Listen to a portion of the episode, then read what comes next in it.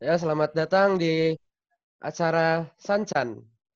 Ya, uh, dalam acara Sancan yang pertama ini, aku rencananya ingin bicara-bicara santai aja, bicara ngobrol santai bersama teman-teman atau pembicara-pembicara yang ingin ngobrol santai juga bareng-bareng. Nah, di sini sudah ada Muhammad Firas Zahid, uh, mahasiswa UGM jurusan Teknologi Informasi. Teknologi Informasi. Lalu ada juga Adam Abraham Mayaswara, uh, mahasiswa UII yang sangat-sangat update dengan informasi-informasi di Indonesia dan belahan dunia lainnya.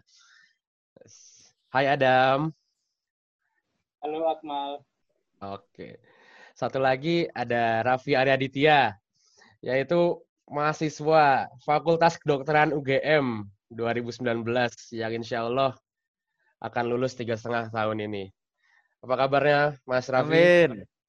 Amin. Baik, Bang. Oke. Uh, panggilannya Raffi Bobby ya. Jadi kalau misalnya kita nanti ada yang manggil Bob Bob, jangan panik, jangan bingung. Bukan manusia lain, itu adalah Raffi Aditya. Oke.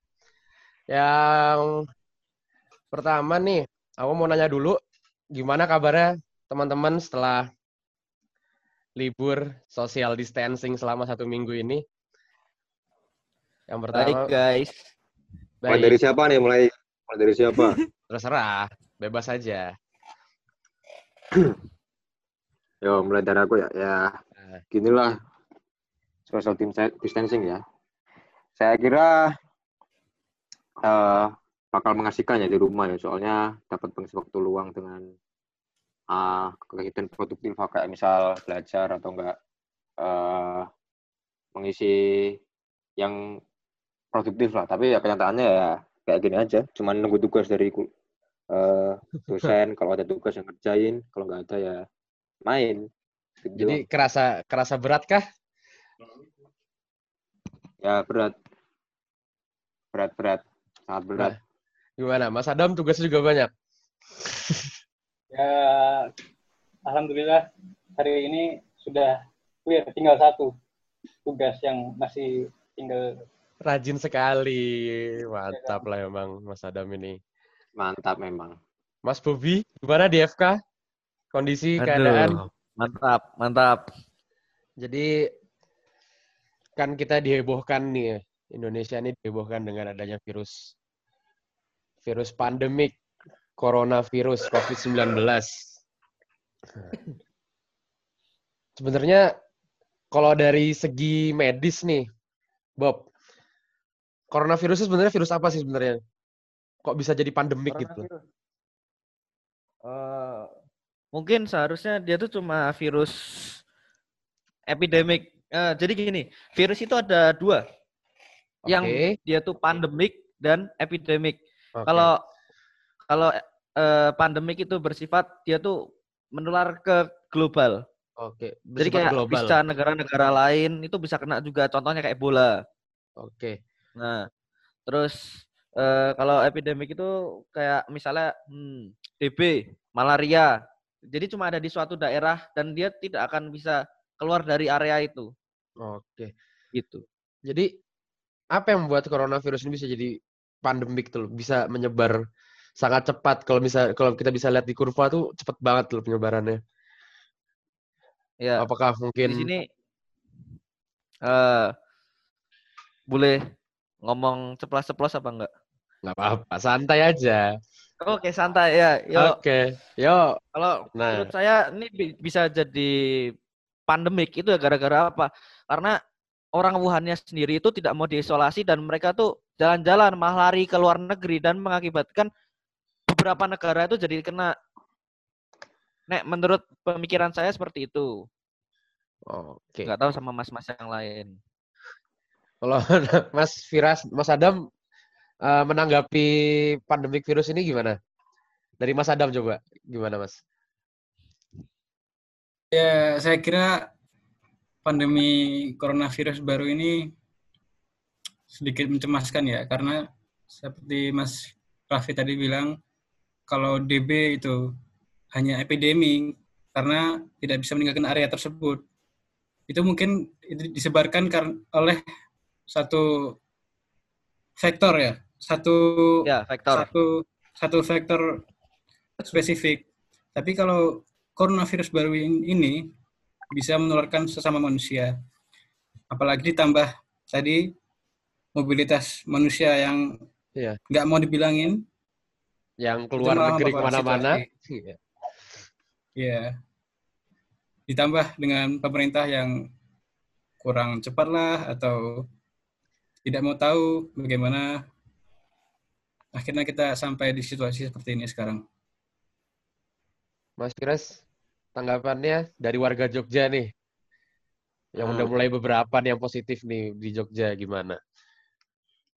Ya mungkin menurut saya ya memang benar sih pemerintah tadi kayak kata Adam memang terlambat memberi anjuran. Kayak misal uh, work from home. Kalau enggak uh, kurangi interaksi sosial lah. Uh, tapi selain pemerintah yang kurang tanggap juga, tapi kita juga harus melihat dari sisi masyarakat juga. Kayak misal masyarakatnya udah dikasih himbauan untuk uh, tidak berinteraksi dengan uh, banyak orang, tapi juga masih melakukan hal-hal yang uh, tentunya yang uh, kurang bermanfaat lah, kurang berguna. Kayak misal ya uh, tahu sendiri kalau di TV-TV masih banyak orang yang liburan lah kayak di tagline media-media juga ada liburan coronavirus. Nah itu kan nggak sesuai dengan apa yang diperintahkan oleh pemerintah. Makanya itu menjadi salah satu faktor mengapa semakin banyak uh, menyebar ya? grafik. Uh, banyak menyebar itu. Kalau misal kita lihat sih uh, coronavirus masuk Indonesia dari bulan Maret-Maret awal ini ya Desember Masuk oh, Indonesia. Iya, masuk Indonesia. Masuk Indonesia, ya. Ya, uh. ya Maret ini mungkin. Februari? Ya, ya mungkin dari, aku aku dari, bisa bilang uh, uh, masuknya itu sekitar Februari. Soalnya dia kan punya masa inkubasi 2 sampai 2 minggu kan. Jadi ya. baru baru ketahuan tuh mungkin Maret. Jadi uh, kan waktu awal-awal coronavirus itu hype ya, naik viral itu sudah ada pengecekan di Batam ya, Februari ya, Dam ya? Oleh pemerintah di Batam sana. Iya. Uh -uh. Uh, pengecekan pemerintah di Batam, mungkin yang kita dengar itu dari uh, mahasiswa-mahasiswa di Wuhan ya, ini bawa pulang pemerintah ke Indonesia. Yeah. Uh -uh. Itu ditransitkan di Batam untuk di karantina di Pulau Kepulauan Riau. Pulau apa namanya? Saya lupa. Ya, uh, apakah mungkin dari isolasi yang terjadi di sana itu waktu waktu itu mungkin kurang efektif? Karena kalau saya sendiri pikir, uh -uh.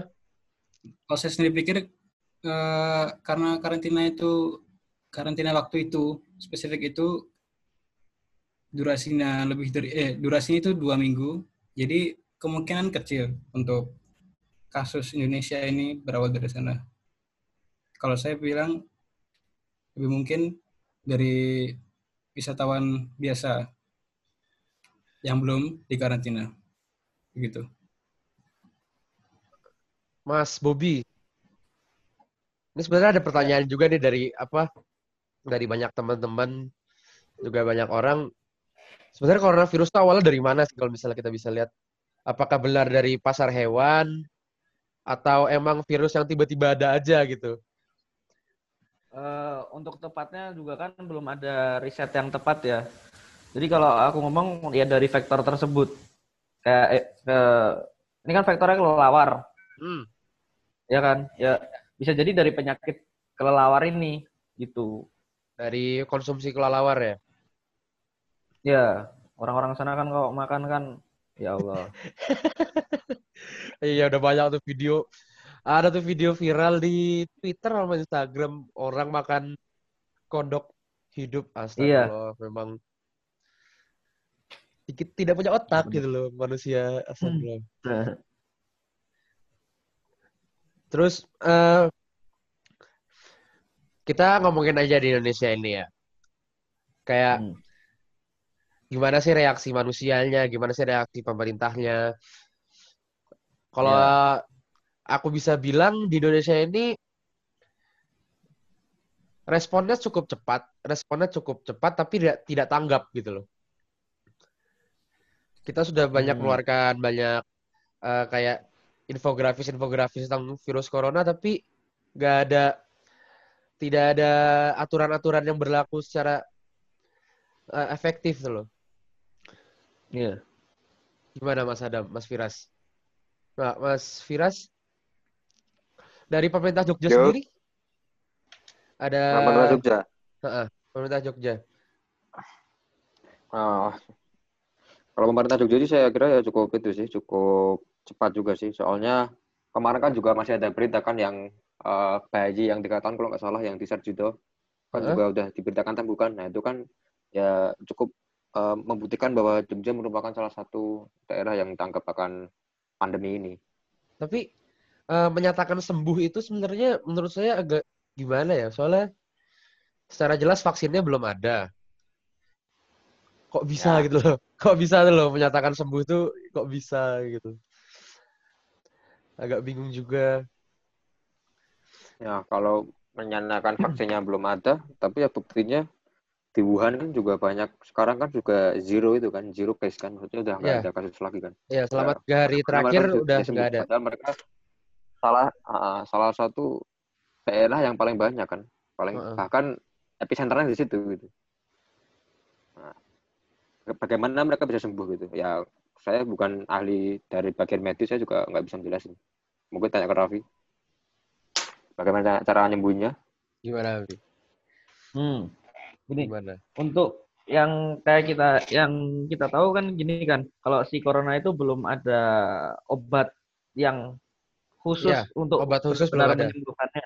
Heeh. Nah, jadi kalau dari riset yang aku cari, oh, jadi dia tuh berobat-obat yang diberikan di saat di karantina di Wuhan itu obatnya hanya bersifat suportif. Maksudnya dari suportif itu kayak misalnya pilek nih, kasih obat pilek. Batuk Oh. nih, kasih obat batuk.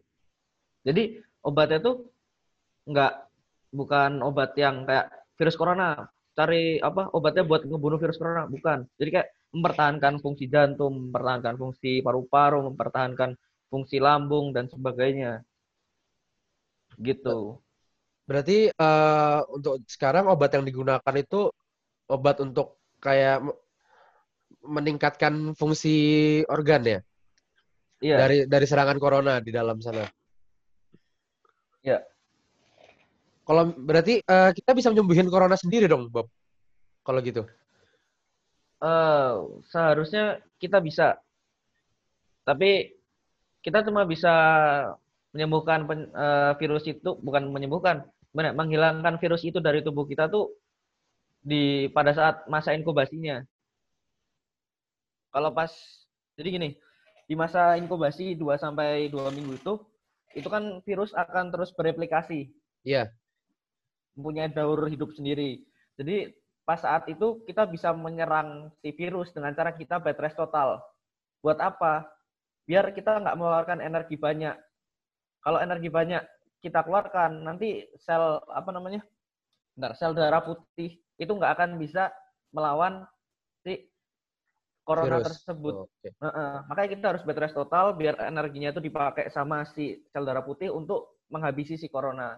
Kalau itu dari yang ini sumbernya dari si Dokter Tirta kemarin.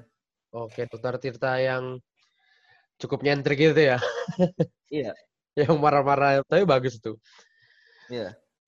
Gimana Mas Adam? Pemerintah ada ada tanggapan apa nih? Dari Kemenkes kah atau dari mana kah? Tentang apa tepatnya? Tentang kayak kan kita cuma disuruh self dis- cuma disuruh social distancing nih, cuma disuruh itu di di rumah. Tapi kita nggak di nggak ada pemberitahuan yang kayak gitu-gitu tuh dari pemerintah tuh.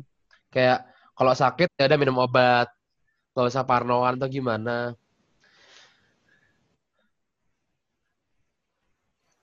Ya, selama ini pemerintah hanya menggalakkan social distancing ya. Iya. Dan fasilitas-fasilitas umum seperti eh, taman, tempat pariwisata semua ditutup. itu mungkin baiklah untuk uh, mengurangi uh, masyarakat yang keluar hanya untuk menghibur diri sendiri. Tapi kalau masyarakat yang bekerja, nah tidak semua masyarakat punya opsi untuk self distance, self quarantine, work from home. Tidak semua masyarakat punya kemewahan seperti itu. Ya, kayak hmm, sebatas ojol ya kan?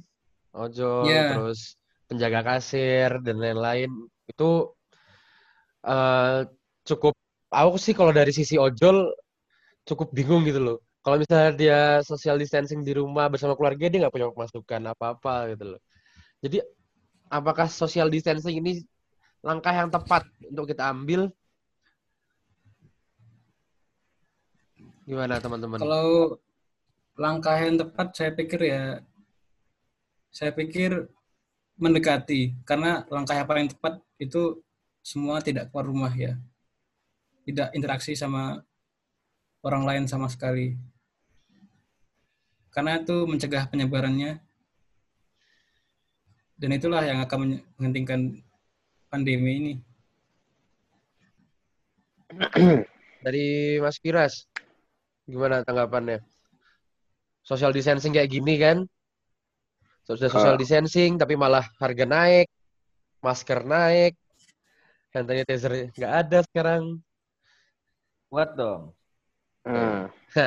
ya sebenarnya uh, bukan social distancing aja yang digembor-gemborkan, tapi juga uh, hidup bersih. Kayak misal cuci tangan, kalau nggak habis uh, beraktivitas juga tetap jaga kebersihan. Jadi kita kan selama ini kan cuma yang digalak-galakan cuma social uh, cuma social distancing, tapi mm. uh, keep clean-nya itu kurang. Keep, okay. keep yourself clean. Nah, uh -uh. itu kurang. Nah, itu menurut saya uh, social distancing, social distancing sama uh, menjaga diri sendiri tetap bersih itu juga cukup langkah yang tepat untuk mengurangi uh, mengurangi penyebarannya.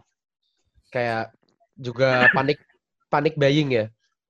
Nah, orang nyetok nyetok itu. Gitu. Mm -hmm. Ya, itu juga sebenarnya ya itu uh, yang membunuhnya membunuh itu bukan ya gimana ya aku kemarin tuh kayak baca di Twitter tuh kayak ada suatu eh suatu tokoh eh bukan tokoh sih kayak, kayak cerita dari mm-hmm. uh, Arab pada zaman dulu itu kayak misal ini ada cerita ini uh, jadi suatu hari ada uh, suatu wabah nah wabah itu ketemu wali oh Terus ini tanya, zaman Arab dulu ya nah zaman Arab dulu oh, Terus okay, si okay. wali tanya si uh. wali tanya uh, kamu mau ke mana saya ke uh, suatu daerah X. Nah, saya lupa itu daerah mana. Terus uh, terus si wali tanya lagi, uh, kenapa kamu mau ke sana? Nah, saya ingin membunuh seri, seribu orang atas perintah Tuhan. Nah, hmm. Nah, terus setelah itu, uh, oh ya sudah. Uh, terus si wali mempersilahkan wabah tersebut pergi ke pergi ke, ke kota X.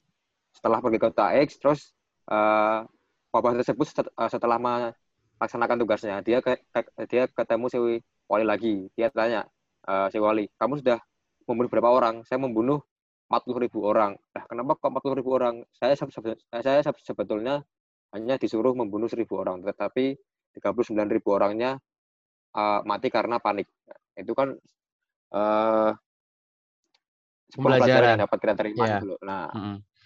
uh, kalau ada wabah kayak gini tuh uh, tidak hanya memikirkan, memikirkan diri sendiri juga kayak uh, misalkan nih kayak aku ada wabah ya harus mikir aku sehari seminggu nih butuh barang apa aja kalau misal butuh barang ini ya beli saja beli saja cukupnya sediakan yang lain untuk dibeli kayak misal sisakan lah untuk misalkan orang yang penting kayak misal masker lah lah masker kita kan sehari kan ya kita kan jarang keluar nih kalau yang jarang keluar ya paling masker stok di rumah cuma tiga atau empat aja cukup lah nah tapi kalau misal dokter nih, dokter kan masker kan sekali pakai tuh. Kayak misal sekali misal. Iya, tiap hari mesti pakai kan. Harus, nah, tiap hari mesti pakai dan itu harus diganti tiap hari juga gitu loh. Nah, itu kan hmm. uh, juga uh, barang yang esensial lah bu, buat dokter sama tenaga medis itu. Nah, itu kan juga butuh buat mereka.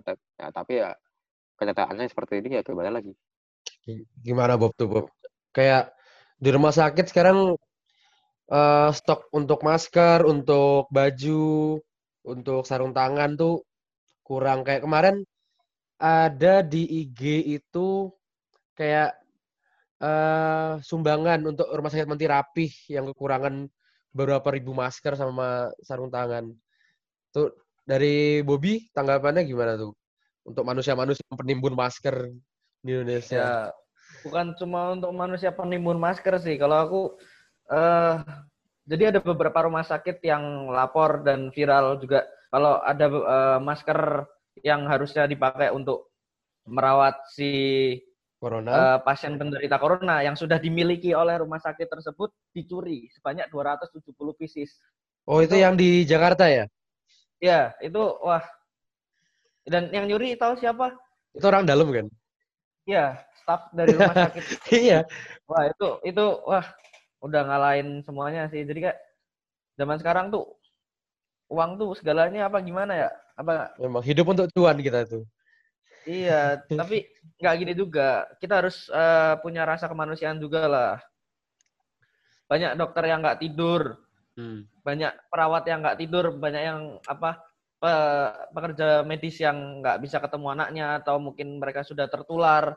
Itu gara-gara siapa? Ya para penimbun. agak agak emosi itu banget kayaknya Mas Ubin. Ya gimana, gimana? emosi ya? Di nah, rumah sakit di rumah sakit Aduh. Rumah sakit Mas Raffi kekurangan kah? Uh, di rumah sakit sini terakhir saya ikut operasi kemarin kayak masih banyak sih. Tapi untuk APD-nya sendiri kita huh? pakai linen. Jadi kayak linen itu kain. Jadi okay. kita pakai kain biasa terus tetap dikasih apron dari plastik baru hmm. dikasih kain lagi.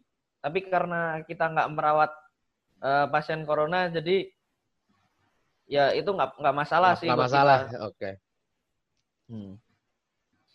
Ya cuma maskernya itu aja. Kalau bisa kita, aku sih berpikir logis ya, kayak sebelum ada wabah kayak gini, sebelum ada uh, pandemik ini, perasaan perusahaan-perusahaan masker tuh selalu keluar terus kan produksinya, selalu memproduksi masker. Yeah. Tapi kok bisa tuh loh pas pada saat pandemik saat ini kita kekurangan masker. Malah kan tinggal produksi masker gitu loh. Apakah memang ada permainan di pabrik atau di tengkulaknya atau gimana itu kita juga nggak tahu kan sebenarnya. Uh, balik lagi nih kita ke pemerintah bentar lagi kita akan lebaran, ya nggak? Puasa nih. Iya. Yeah. Nah, puasa tanggal berapa sih? Uh, eh, 24 April ya? Yeah, 24. 24 April puasa. Wih. Itu ada sholat taraweh, sholat id, terus cari makan, puasa, dan lain-lain. Menurut teman-teman sekalian, uh, setuju nggak kalau misalnya Kemenhub mengeluarkan suatu aturan untuk dilarang mudik lebaran gitu untuk tahun ini? Gimana Mas Dam? Kalau saya sih dengan berat hati setuju ya. Karena gimana gimana? Kok berat hati gitu? Iya, kangen ayah. Karena kita tahu semua kan mudik itu tradisi yang ya, nggak bisa putus. Iya, nggak nggak bisa hilang Dari gitu loh. Kecil kita selalu mudik. Tahun setiap tahun pasti mudik. pulang ke kampung. Tapi karena nampaknya coronavirus baru ini lebih gampang menular daripada flu biasa. Hmm. Sudah sampai berapa ribu kasus sekarang. Jadi ya. saya pikir masuk akal untuk untuk nggak boleh mudik lebaran. Yeah. Tapi kemarin puncak rame banget tuh. Wah, kalau kita lihat kayak di Itali kosong, di Wuhan kosong, di mana lagi kosong. Tiba-tiba langsung ada foto tol puncak penuh. Memang nggak gimana gitu. Kalau misal sebelum Lebaran, sebelum puasa ini dilakukan kayak tes massal gitu, apakah akan efektif, Dam?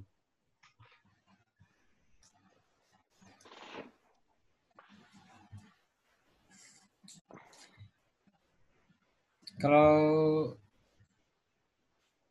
kalau pikir ya kalau tes massal benar-benar bisa benar-benar bisa mengecek semua individu yang akan bepergian waktu mudik nanti Mm-mm.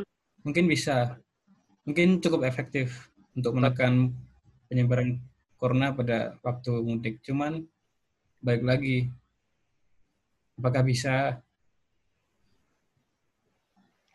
kita mengetes Masal. semua yang akan mudik Ya, Ya. secara secara fakta Indonesia adalah negara arsipelago kan. Penuh pulau-pulau dan susah gitu loh untuk kayak banyak gitu loh orang yang Korea Selatan aja bisa tes massal. Cuma berapa hari langsung ke tes berapa ribu. Ya, Korea Selatan satu pulau, Dap. Iya. Tapi kalau misalnya akan ada tes massal, pasti kurva akan besar dong. Ya nggak sih? Iya. Kurva akan ya ya kurva akan melonjak tinggi banget.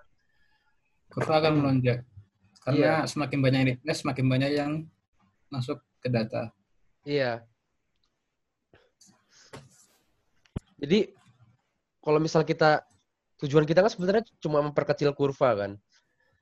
Tapi kalau misal kita pengen tes massal nanti kurva besar eh sebenarnya bagus ya sih tindakannya itu. Tes massal. Mas Firas mungkin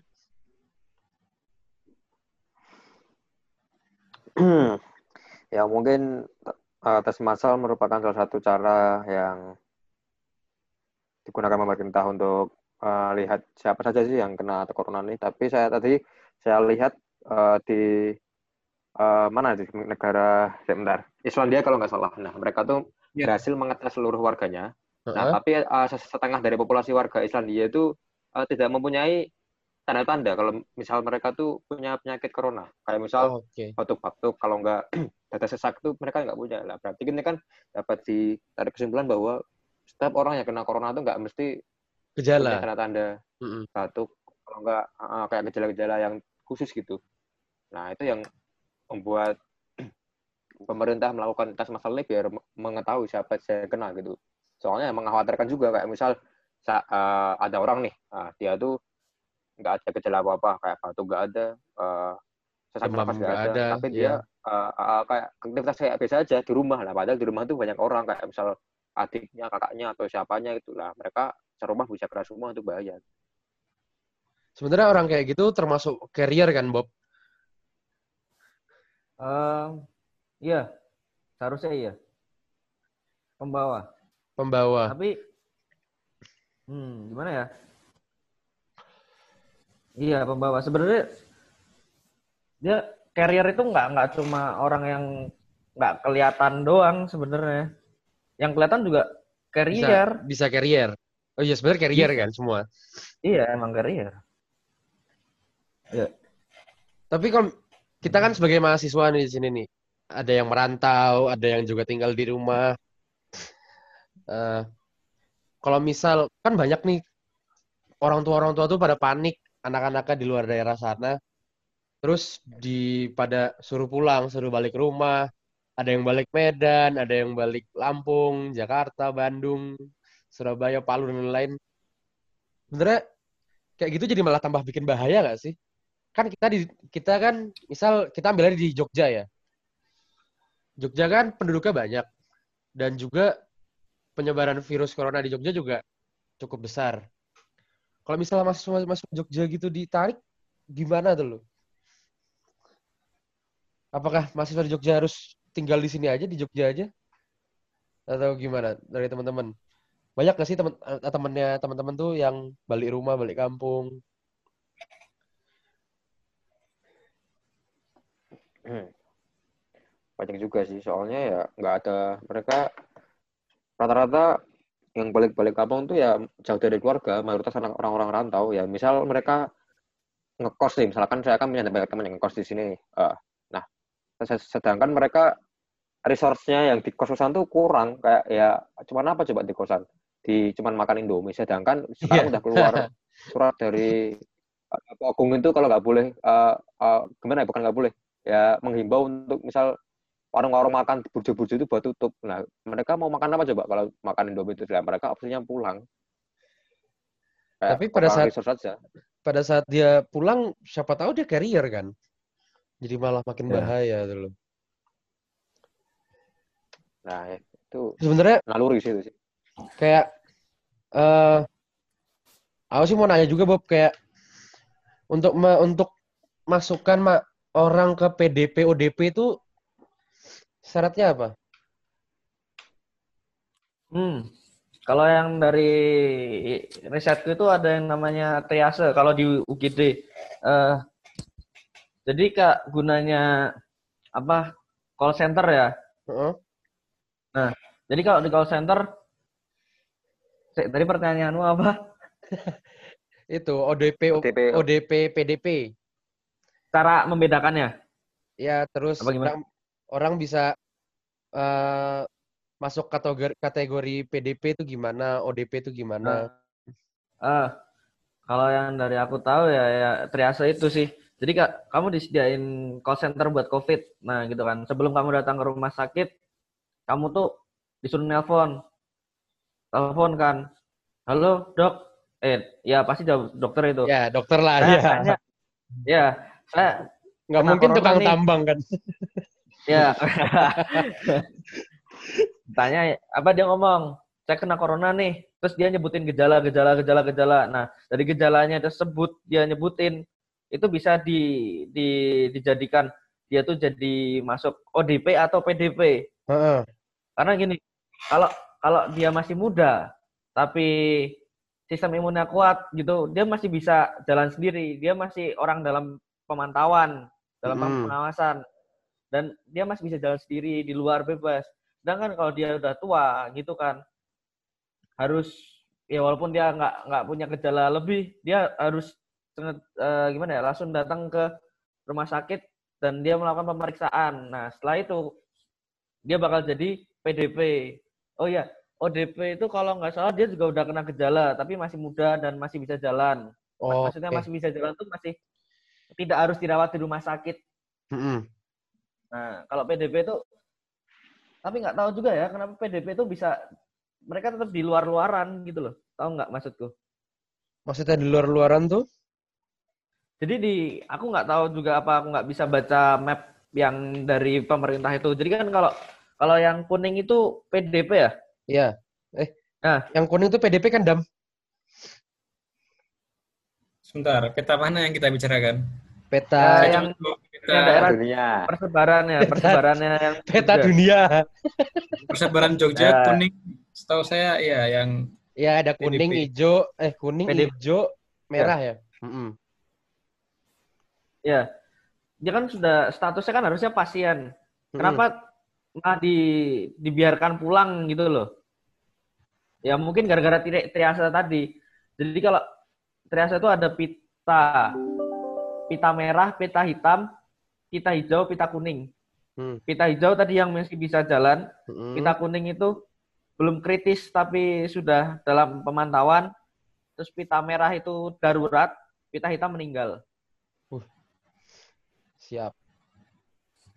Itu yang Jadi- ada di rumah sakit rumah sakit. Makanya kalau makanya kalau setauku ya yang dari tangkapku dari eh, podcast sebelah.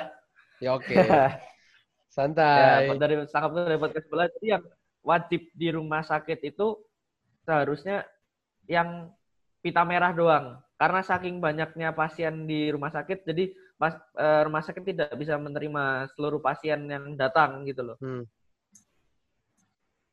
Begitu saja. Jadi kalau misalnya aku gejala nih, terus aku lapor call Ya. center, terus dicek, ternyata aku eh, kena virus, tapi aku masih punya imun tubuh. Ya. Berarti aku disuruh pulang. Iya.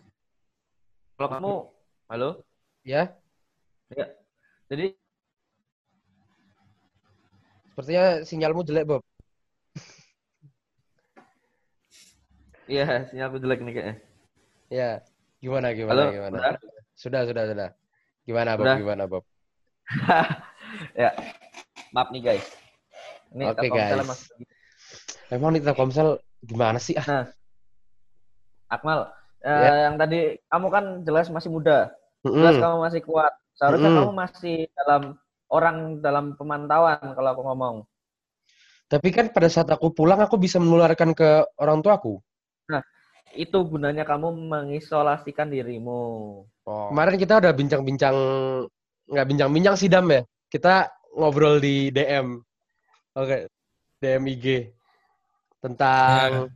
kayak pemerintah yang lambat lah atau apalah. Ya kan Dam? Iya, kita bicara tentang ODP, PDP lah, tentang Iyalah. respon pemerintah ya gimana. Dan kamu juga ngomong apa? Sensor kamera. Nah. sensor temperatur. Ya itu itu dia. Aku pengen nyenggol dikit kayak aku lihat perkembangan di Wuhan tuh ada namanya aplikasi. Jadi pemerintah Wuhan tuh membuat aplikasi buat warganya yang kayak itu tuh setiap hari dia akan memberikan kuesioner itu loh. Apakah ada gejala apakah ada apa. Nanti setiap warganya itu bener kata Bobby gitu kayak nanti di aplikasi itu sudah ada tandanya.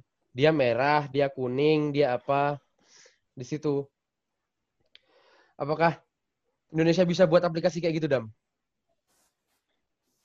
Dan kalau misalnya bisa kenapa saya gak? aplikasi itu gimana dam setahu saya sih aplikasi itu dibikin oleh Alibaba.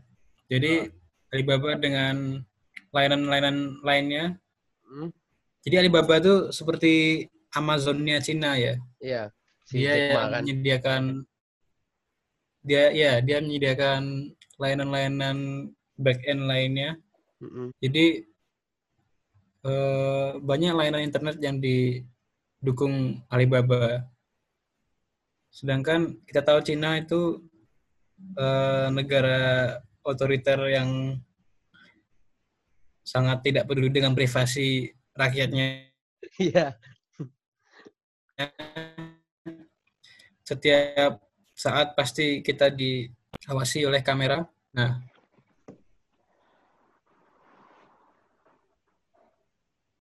apakah Indo bisa memperbolehkan bisa jadi kayak gitu juga?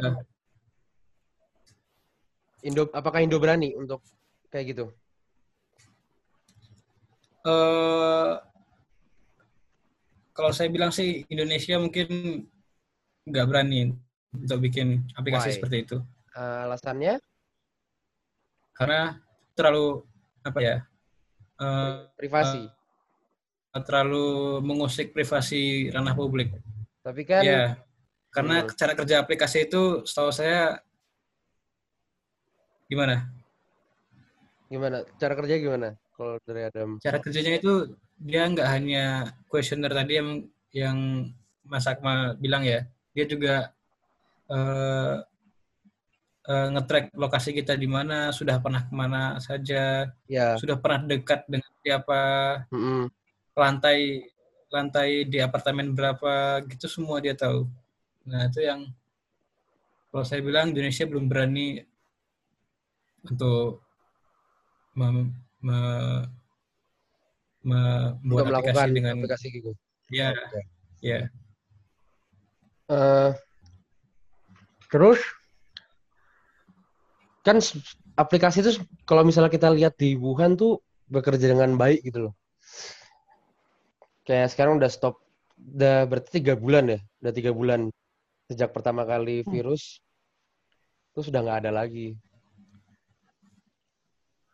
Menurut teman-teman nih anak muda ya ma mahasiswa mahasiswa ternama lah inilah ya. Dari tempat-tempat ternama gila gak sih? Gila. Menurut teman-teman apa sih yang mesti kita ambil? Langkah apa yang mesti kita ambil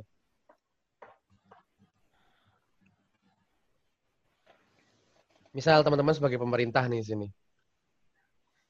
Gimana? Mungkin dari Mas Firas nih, anak teknologi informasi kan. Nah, yang pertama benar pemerintah social distancing. Yang kedua, uh, galakan hidup sehat. Yang ketiga, uh, ya ini yang uh, tadi dikatakan tadi, jangan panic buying. Yang keempat, yang mungkin yang belum pernah kalian dengar, ya ini mungkin usul dari saya, saran dari saya, hmm. yaitu uh, gimana ya, bukan memblokir sih, membatasi informasi yang bersebar di Facebook dan WhatsApp. Kenapa ya, tuh informasi? Kenapa ya, tuh? Ya, ya kalian tahu lah sudah ada sudah yeah. ada panic buying ditambah false information ya kayak hoax yeah. gitu ya. ya. Okay. Udah, udah panik tambah panik lagi kan tambah tambah panik lagi gimana ya tambah buyar tambah stres lagi gitu. Nah itu yang menyebabkan salah satu eh, faktor kenapa panic buying itu masih ada gitu. Nah itu mungkin dari saya membatasi informasi yang beredar itulah. Benar benar. Kenapa dari dari Bobby gimana? Saya boleh cerita boleh, saya boleh cerita nggak? Boleh, saya boleh. mau cerita pengalaman pribadi saya. Jadi ya, gimana gimana uh, gimana? Ibu saya tuh seorang dokter. Ya, yes. beliau uh, spesialis anak. Oke. Okay. Ya. Dia tuh gampang sekali termakan sama yang namanya hoax. Tadi malam saya tuh jadi saya kalau nongkrong tuh di bawah di rumah di lantai satu. Nah, sekitar jam 2 pagi saya naik ke atas mau tidur. Saya mencium bau aneh di kamar saya. Tahu nggak dikasih apa? Apa? Bawang merah, guys. Bawang merah. emang, emang kenapa bawang merah? Gini loh, gini. Gini. Anda pikir virus itu vampir? ampun. Eh, ya ampun, seorang dokter saja sekarang zaman sekarang bisa termakan hoax. Bayangkan, gimana kalau orang-orang pada umumnya itu kayak gimana seorang dokter spesialis itu termakan hoax. Bawang merah actually actually bawang merah gitu dipotong bener-bener bawang merah dipotong jadi dua aku mau tidur tuh bingung gitu loh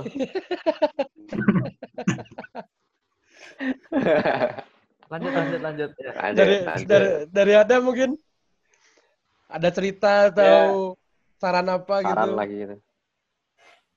Saya setuju tadi ya yang bilang Mas Firas tadi membatasi membatasi informasi yang beredar. Karena ya hoax tadi ya masyarakat Indonesia terlalu mudah ya. Tadi pengalaman pribadi Mas Raffi. Iya. Yeah. sampai seorang dokter pun bisa terbawa hoax. Kalau dipikir itu kenapa termakan hoax? Mungkin karena kurangnya percaya masyarakat ke pemerintah. Ini ya, dari dari bisa bisa berasal dari kurangnya informasi yang jelas dari Kementerian Kesehatan hmm. utamanya. Seperti uh, mungkin dulu kita dengar uh, ada beberapa menteri yang uh, meremehkan epidemi waktu itu masih epidemi ya, epidemi ya. COVID di Wuhan. Sekarang juga masih ada kok dalam pemerintah. Uh, oknum sih kayak anggota DPR gitu masih hmm. menganggap virus itu dari Allah. Kita jangan takut sama virus, nah, takut sama dia. Allah. Wah. Oh my god. ya emang datang dari Allah. Iya, tapi kan mesti usaha juga kitanya kan. Iya. Masa gitu ya? Nah kalau kalau kalau kayak gitu tuh memang susah ya orang-orang kayak gitu ya. Gimana? Ya. Iya. Susah ditanggulangi gitu. Mau di apa diapain gitu ya.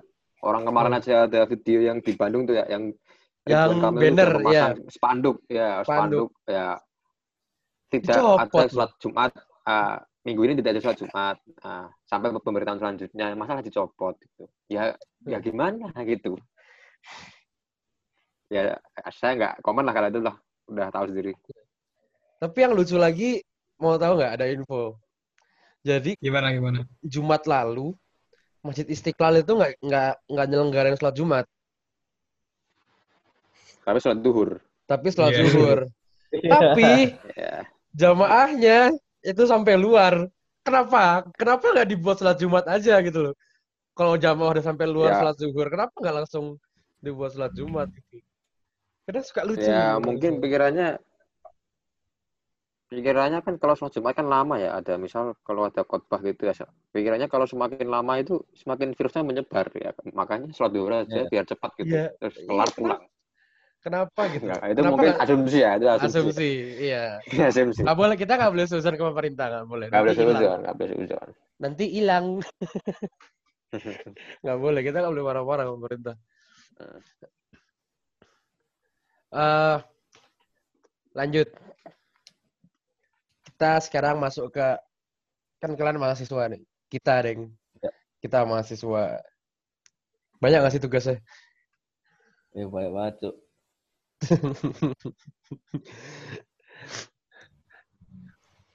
Sebenarnya suka nggak sih dikasih tugas gitu banyak? Padahal kan seharusnya kita istirahat di rumah. Malah setiap sekarang setiap matkul tuh ada tugasnya, tugasnya banyak-banyak.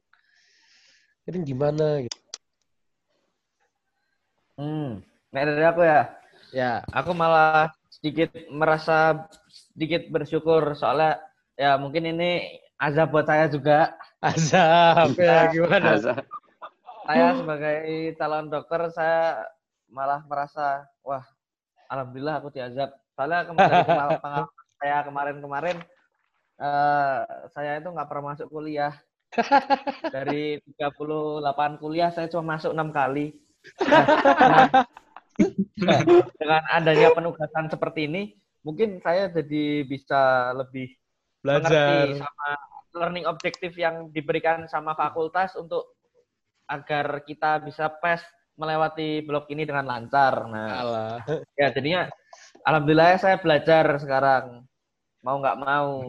Nah, biasanya saya tuh kalau siang tuh, waduh kuliah nongkrong enak eh. Nongkrong di fakultas sebelah. eh. Langsung rokok, jajan, makan, ya ampun. Nah, lanjut kak, maaf, maaf curhat. Gak apa gak apa curhat sini. Gimana? Ada positif juga Karas? Tugas-tugas yang diberikan Ah, di tempat Muras. sebenarnya sih eh saya kuliah online sama kuliah nggak online sih sama aja sih maksudnya kegiatan sama aja gitu kuliah habis kuliah juga nggak eh ada improvement kuliah online juga ada nggak ada improvement paling ini gara-gara gimana ya kapasitas otak saya itu memang udah mentok gitu loh yang lain itu belajar masuk gitu kayak kayak misal belajar oh kayak misal cuman sekali sekali tatap muka nih sekali tatap muka paham itu padahal tulisannya tuh eh neranginnya tuh kayak cepet Kayak, rob nah. kayak robot. Satu gitu. itu bisa 60 slide lebih. Nah, itu paham semua.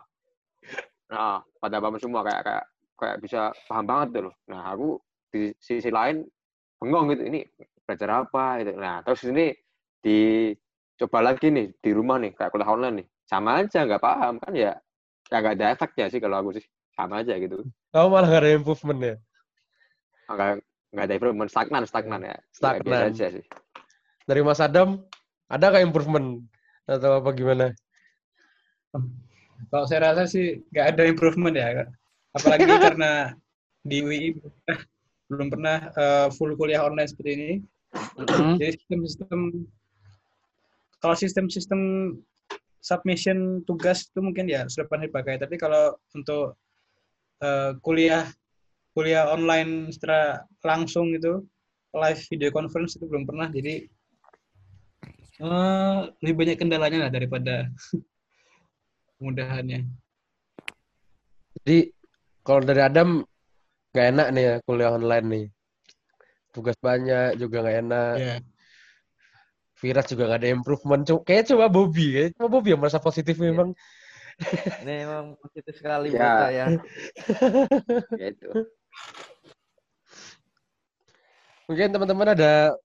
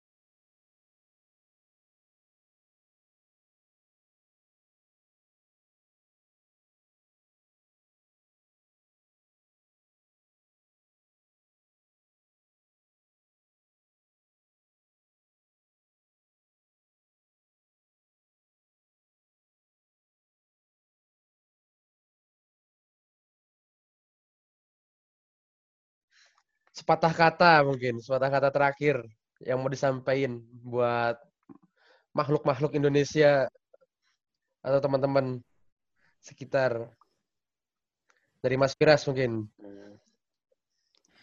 Dari saya sih ya itu jaga kesehatan, jaga energi, uh, tetap uh, waspada. Apalagi kan sekarang, uh, apalagi dari berita yang dari Islandia itu ya. Jadi uh, mungkin saja kalian yang tidak mendapatkan gejala-gejala coronavirus itu mungkin saja sebagai karier. Nah, maka dari itu kita juga harus meningkatkan uh, kewaspadaan kita terhadap uh, pandemi ini.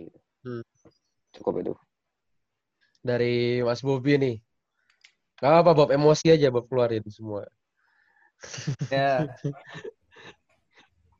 Untuk masyarakat luas ya rata-rata sama sih kayak Viras ya jaga kebersihan, terus tetap jaga jarak sama orang lain. Kalau bisa pakai masker, kalau tidak ya pakai sesuatu yang bisa menutupi mulut kalian. Gitu saja mungkin. Uh, oh ya, untuk para penimbun masker dan hand sanitizer dan para nah, pencuri masker. Ya. Kalian semua. Mungkin itu akan disensor dikit tapi gak apa-apa emosi gitu. Nanti ya. nanti disensor itu. Ya. ya. Nanti akan disensor. Nih emosi yang meluap dari Raffi ada di dia. Gimana? Dari Adam mau emosi juga untuk para penimbun gitu. Ya itu kalau penimbun seperti itu kan sudah nakal dari dulunya ya. Nakal dari Tapi dulunya. Diperparah, diperparah dengan kesempatan seperti ini ya. Itu ya, ah, memang susah sih ya. Seperti tadi orang-orang yang nggak mau disuruh pulang maunya sholat Jumat. Kalau kata saya sih, berpikirlah seperti Anda terjangkit COVID-19. Jadi kalian nggak mau menularkan ke orang, kalian nggak mau tertular sama orang. Jaga kesehatan, tetap di rumah, jangan menularkan, jangan tertular. Ya. ya. Oke. Mungkin itu dulu dari kami. Uh, terima kasih Mas Piras. Selamat mengerjakan tugas. Semoga dapat improvement. Dari tugas-tugas ya, yang banyak. Terima kasih juga. Minggu depan UTS, UGM. Yo. Mas Bobi juga. Mas Bobi juga UTS. Enggak ada yang uh, blok enggak ya? ada UTS. Nah, enggak ada UTS. Ujian blok, ujian blok ya. ya. FK ujian blok. Semangat, semoga belajar. Adam. Yui masih lama, ya. Yui. Kita satu Santai. satu, satu WI santai. Enggak apa-apa, Adam. Santai. Okay. Ya, terima kasih. Uh, bila ada kesalahan, mohon maaf karena kebenaran hanya milik Allah. Eh, Ini udah kayak Mas Wi bener kan? Islami banget aku nih. Asas. Uh. Ya, ya, ya, salah. Terima kasih. Selamat uh, social distancing, jaga kesehatan, jangan panik buying, juga jangan termakan hoax. Bye-bye.